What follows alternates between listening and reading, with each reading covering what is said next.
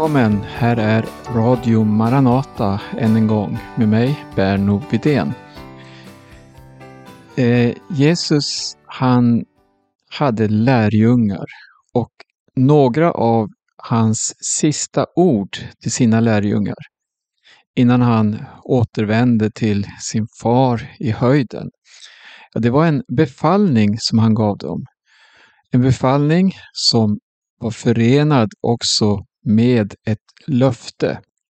Det står så här i Matteus 28 från den 18 versen. Åt mig har getts all makt i himlen och på jorden. Gå därför ut och gör alla folk till lärjungar. Döp dem i Faderns och Sonens och den helige Andes namn och lär dem att hålla allt som jag befallt er. Och se, jag är med er alla dagar till tidens slut. Det är alltså ett löfte förenat med den här befallningen. Befallningen den var tydlig, koncis och samtidigt avgränsad till att eh, fokuserat göra alla folk till lärjungar. Och hur det här skulle genomföras, det får vi bäst veta genom att ta del av Nya testamentets vittnesbörd, dess skildringar och eh, inte minst undervisning. Missionsbefallningen kom att styra lärjungarna. Hela deras liv, den kristna församlingens liv, var faktiskt in i detalj. Den var omfattande och förde med sig konsekvenser för deras liv, deras gemenskap och eh, ingenting av det som ägde rum i den omkringliggande världen fick tillåtas att ta överhanden så att arbetet med den här befallningen då att förkunna evangelium skulle bli åsidosatt.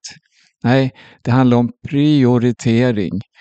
Och det här var ju något som vi kan läsa eh, om deras liv och i deras brev. Något man verkligen tog på allvar. De levde ju under ett tryck under det romerska imperiet och det var verkligen inte lätt. Men oavsett statsskick eller olika religioners inflytande, motgångar och hinder, förföljelser eller förförelser som ständigt kom i deras väg. Eller omständigheter som förändrades från tid till annan, så var det viktigt för den urkristna församlingen att prioritera rätt. Jesus, självklart, han sattes alltid främst. Och man satte sin ära i att helhjärtat vara med att tjäna honom. Löftet då som Jesus gav, det var det här att han skulle vara med sina lärjungar alla dagar till tidens slut. Och det här, det här är en lång tid, tiden har ju ännu inte tagit slut. Men när vi läser om hur lärjungarna och kristna i alla tider fått lida svår förföljelse för Jesus skull, ja, då kan det ligga nära till hands att fråga på vilket sätt har då Jesus varit med? Men eh, här visar sig något också då av den hemlighet och styrka som finns i namnet Jesus. Vid ett flertal tillfällen så undervisade Jesus om lärjungaskapets villkor. Det här att bära sitt kors och följa honom. Det var en kallelse till ett liv i tjänst för Guds rike och därigenom en konflikt med världens riken. Jesus han sa till och med till sina lärjungar att han har tagit dem ut ur den här världen för att helt och hållet tillhöra Guds rike. Det var något konkret. En mäktig vers som eh, där Jesus undervisar. Det är i Johannes 16 och 33. Jesus utlovar här frid mitt under svårt lidande. Hör här. Detta har jag sagt er för att ni ska ha frid i mig. I världen får ni lida, men var frimodiga. Jag har övervunnit världen. Genom att tro på och följa Jesus så blir också vi övervinnare. Jesus, han är densamme idag som när han vandrade här på jorden. Samma löften om frid och frälsning uttalade med Jesu egna ord, de gäller. Hur länge då? Jo, alla dagar till tidens slut. Även om vi idag lever i en totalt annorlunda tid och vi lever under helt andra omständigheter så är och förblir uppdraget detsamma fram till tidens slut. Precis som Jesus sa. Men då kan vi fråga oss, när inträffar då denna drastiska dag? Tidens slut. Ja, vi kan skönja ett och annat genom olika tidstecken som äger rum. Se på tillståndet i världen. Hunger, naturkatastrofer, våldsamma bränder som orsakas av extrem torka globalt på flera kontinenter. Vi ser lika extrema översvämningar som raserar hela samhällen. Fullskaligt pågående krig i Europa. Ja, utan någon överskådlig lösning. Och som en direkt konsekvens av kriget i Ukraina så drabbas ju flera afrikanska länder av akut spannmålsbrist. Och Det här leder i sin tur till väpnade konflikter, akut hungersnöd, skenande livsmedelspriser. Och Det här är ju bara en del då. Och allt det här och mycket mer därtill illustrerar Jesus i sin undervisning om den yttersta tiden. Samtidigt som han uppmanar lärjungarna att vara på sin vakt. Vad säger Jesus när de frågar om tidens slut? Jo, se till att ingen bedrar er. Och så säger Jesus så här i Matteus 24. Sådant måste hända. Men, hör här, det är ännu inte slutet.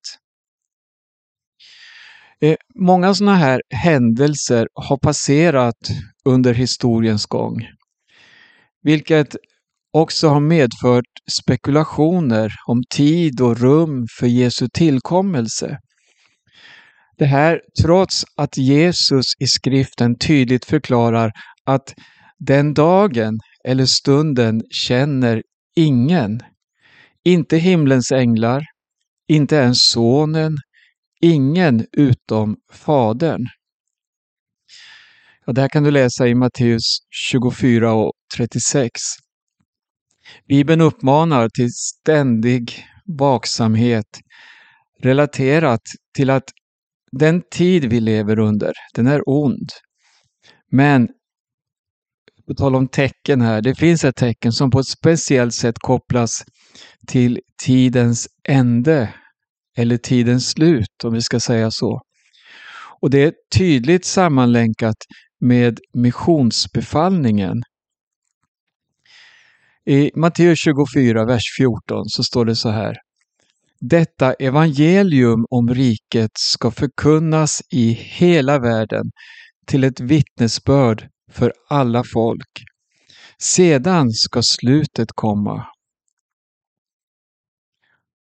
Eh, Jesus, han har gett församlingen ett uppdrag i tiden.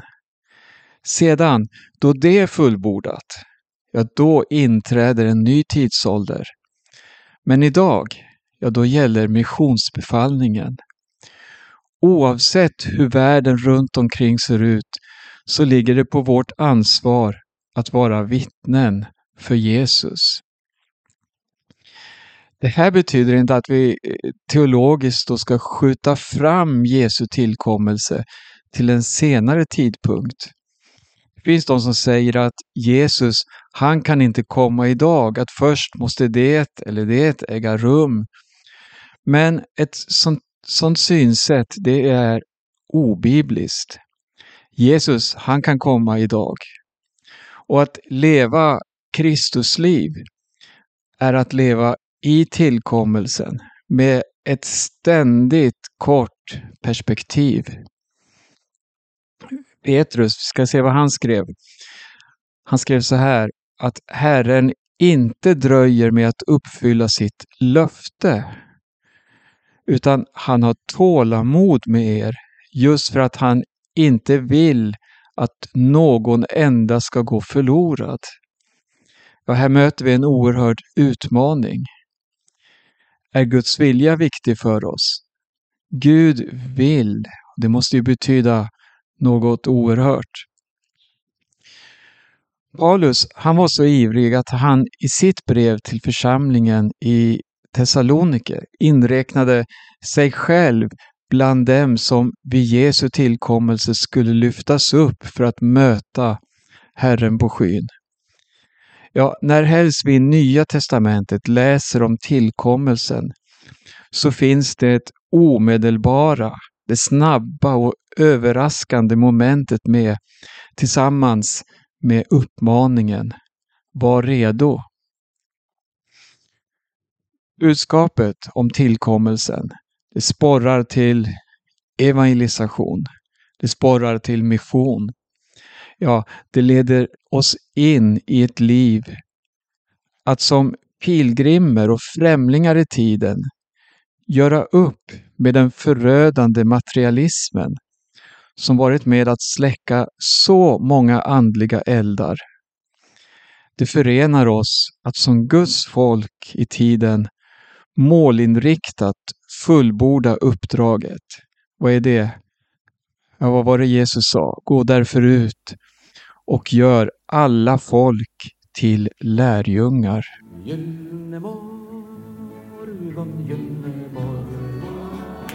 Sista nattsnacksrummet Går du Gud att möta frälsaren med fröjd. Halleluja ära vare Gud i höjd.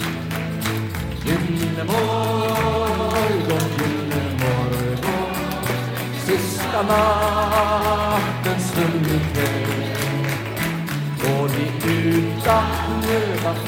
Frälsaren med fröjd, halleluja, ära vare Gud i höjd.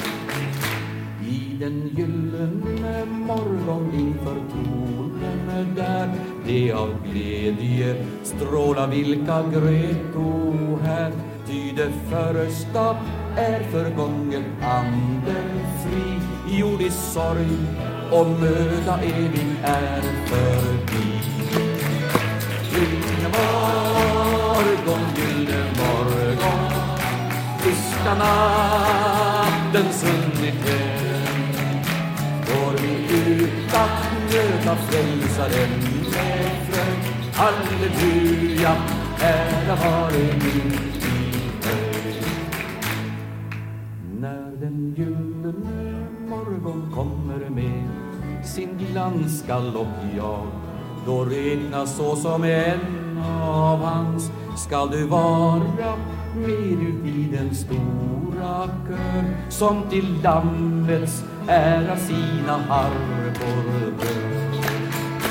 Gyllene morgon, gyllene morgon Sista natten svunnit den Går ni ut att möta frälsaren med fröjd Halleluja, ära vare en eh, angelägen fråga hur ska det svenska folket nås av evangelium? Ja, Sverige det är ett land vars politiska ledarskap under mer än ett halvt sekel medvetet och målinriktat verkat för att eliminera kristendomsundervisningen från alla skolor. En konsekvens av det, det är ju den rotlöshet vi ofta möter, speciellt hos den yngre generationen. Kunskapen om Gud och vårt ursprung är idag obefintlig. Jag ska citera en eh, docent i teologi. Han heter Viktor Aldrin.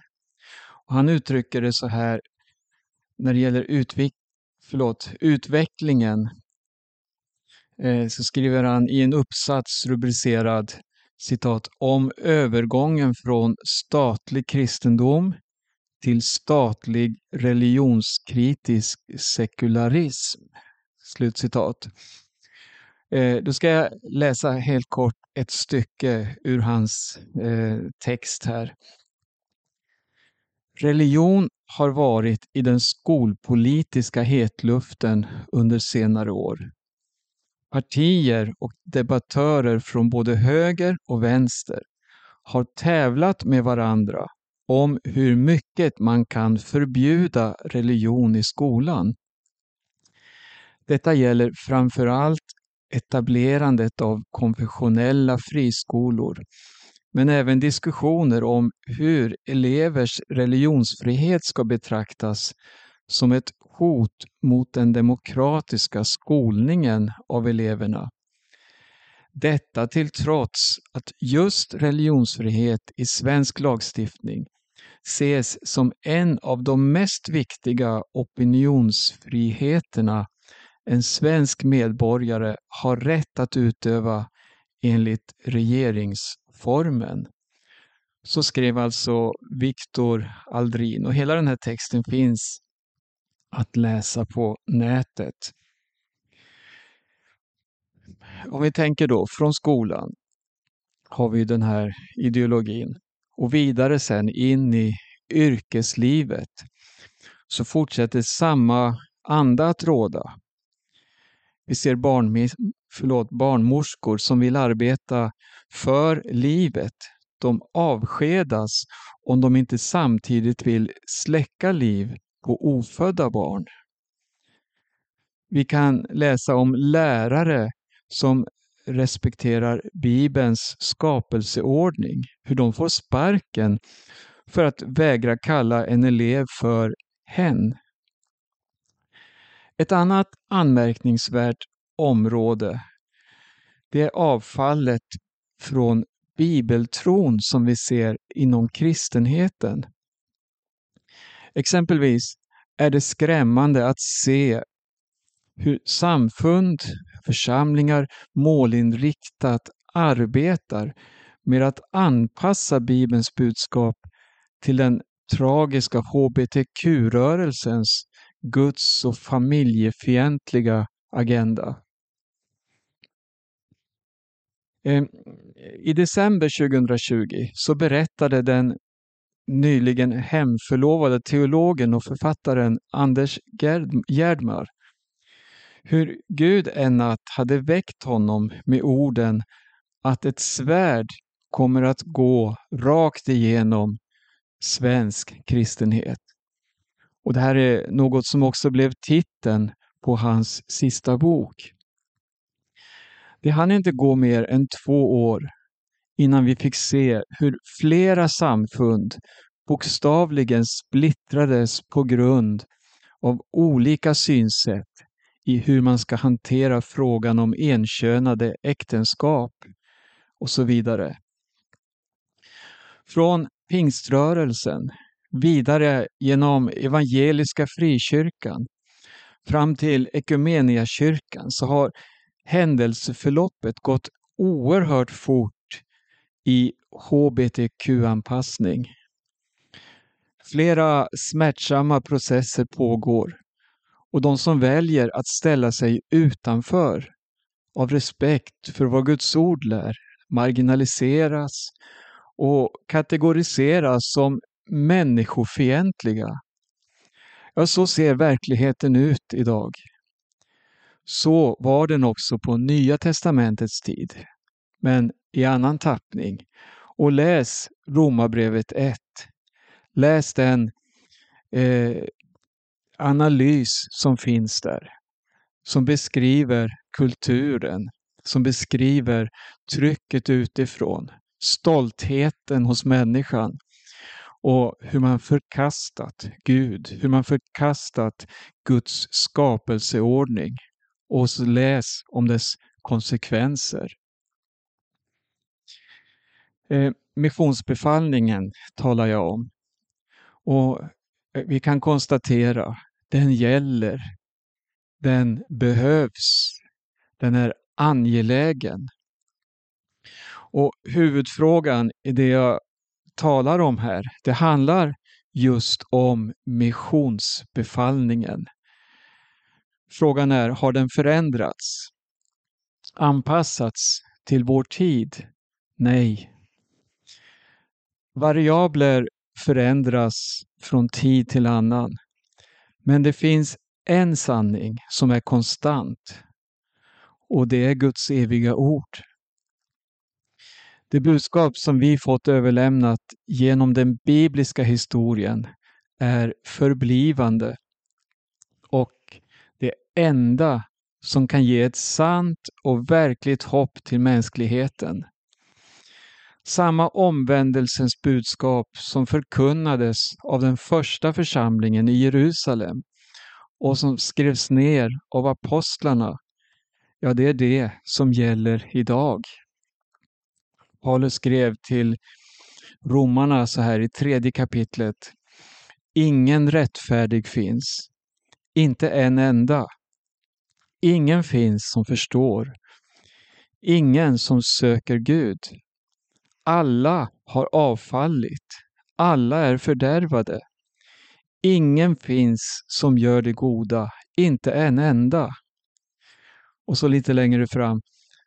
Alla har syndat och saknar härligheten från Gud. Och hör här. Och de förklaras rättfärdiga som en gåva av hans nåd därför att de är friköpta av Kristus Jesus. Oerhört budskap. Apostlarna, de lyssnade till Jesus och efter tre års lärjungaskola så insåg de att de alla hade brustit. Hör. En efter en hade de lämnat Jesus och av rädsla övergivit honom. Ingen av dem kunde i egen kraft gå den väg som Jesus själv gick. Ingen var kapabel att förverkliga missionsbefallningen. Jesus som visste vad som väntade. Han förberedde lärjungarna på hur omöjligt deras uppdrag skulle vara. Men hemligheten han också uppenbarade visade på att det fanns en väg framåt. Så här sa Jesus. När den helige Ande kommer över er ska ni få kraft och bli mina vittnen. Fyllda av den helige Ande så påbörjade apostlarna det arbete som ännu inte slutförts. På pingstdagen kan vi läsa hur det stod en frimodig och andefylld skara på Jerusalems gator och vittnade om Jesus. Och vad hände? Åhörarna kände direkt ett styng i sina hjärtan.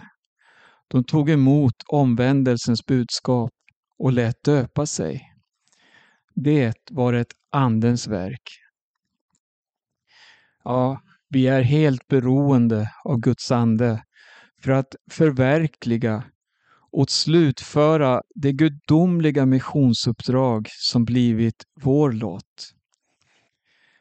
Det är också Guds ande som kan överbevisa människor om synd, rättfärdighet och dom. Det här är tre viktiga områden som Guds fiende gör allt som står i dess makt för att neutralisera. Helst då med lugnande ord som att allt står väl till, ingen fara är på färde. Men slutet närmar sig med hast. Och även det svenska folket behöver höra evangelium. Profeten Jesaja, han fick en fråga efter att en av seraferna hade rört vid hans mun med glödande kol och renat honom från synd. Och Det är en fråga som är relevant för oss idag. Jag hörde Herrens röst. Han sade, Vem ska jag sända? Och vem vill vara vår budbärare? Då sade jag, Här är jag, sänd mig. Där står det i Jesaja 6 och 8. Lev du med samma iver. Lev med samma nitälskan för uppdraget. Låt Herrens eld få röra vid dina läppar. Tiden hastar och snart kommer Jesus igen. Herre, hjälp oss att fullborda vårt lopp så att vi med frimodighet kan instämma i Paulus ord, det som han skrev till Timoteus mot slutet av sin vandring, där han satt i en fängelsecell i Rom i väntan på att bli avrättad. Men det var på ett sätt ingen bruten man. Han var övergiven av alla. Han var övergiven och skrev att han hade ett svårt lidande. Han bad om sin mantel för att klara vintern i den kalla cellen. Alla har övergivit mig. Någon av kärlek till denna världens goda och så vidare. Men det fanns någonting som, som bar honom. Det fanns någonting som övervann kampen, striden, nederlagen som gjorde honom till segervinnare. Tänk att vara i hans situation och ändå skriva de här raderna som han skrev till Timoteus. Jag ska avsluta det här programmet med att läsa från Andra Timoteus 4, verserna 7 och 8. Jag har kämpat den goda kampen. Jag har fullbordat loppet. Jag har bevarat tron. Nu väntar mig rättfärdighetens segerkrans. Den ska Herren, den rättfärdige domaren, ge mig på den dagen. Och inte bara mig, utan alla som älskar hans återkomst. Den glädje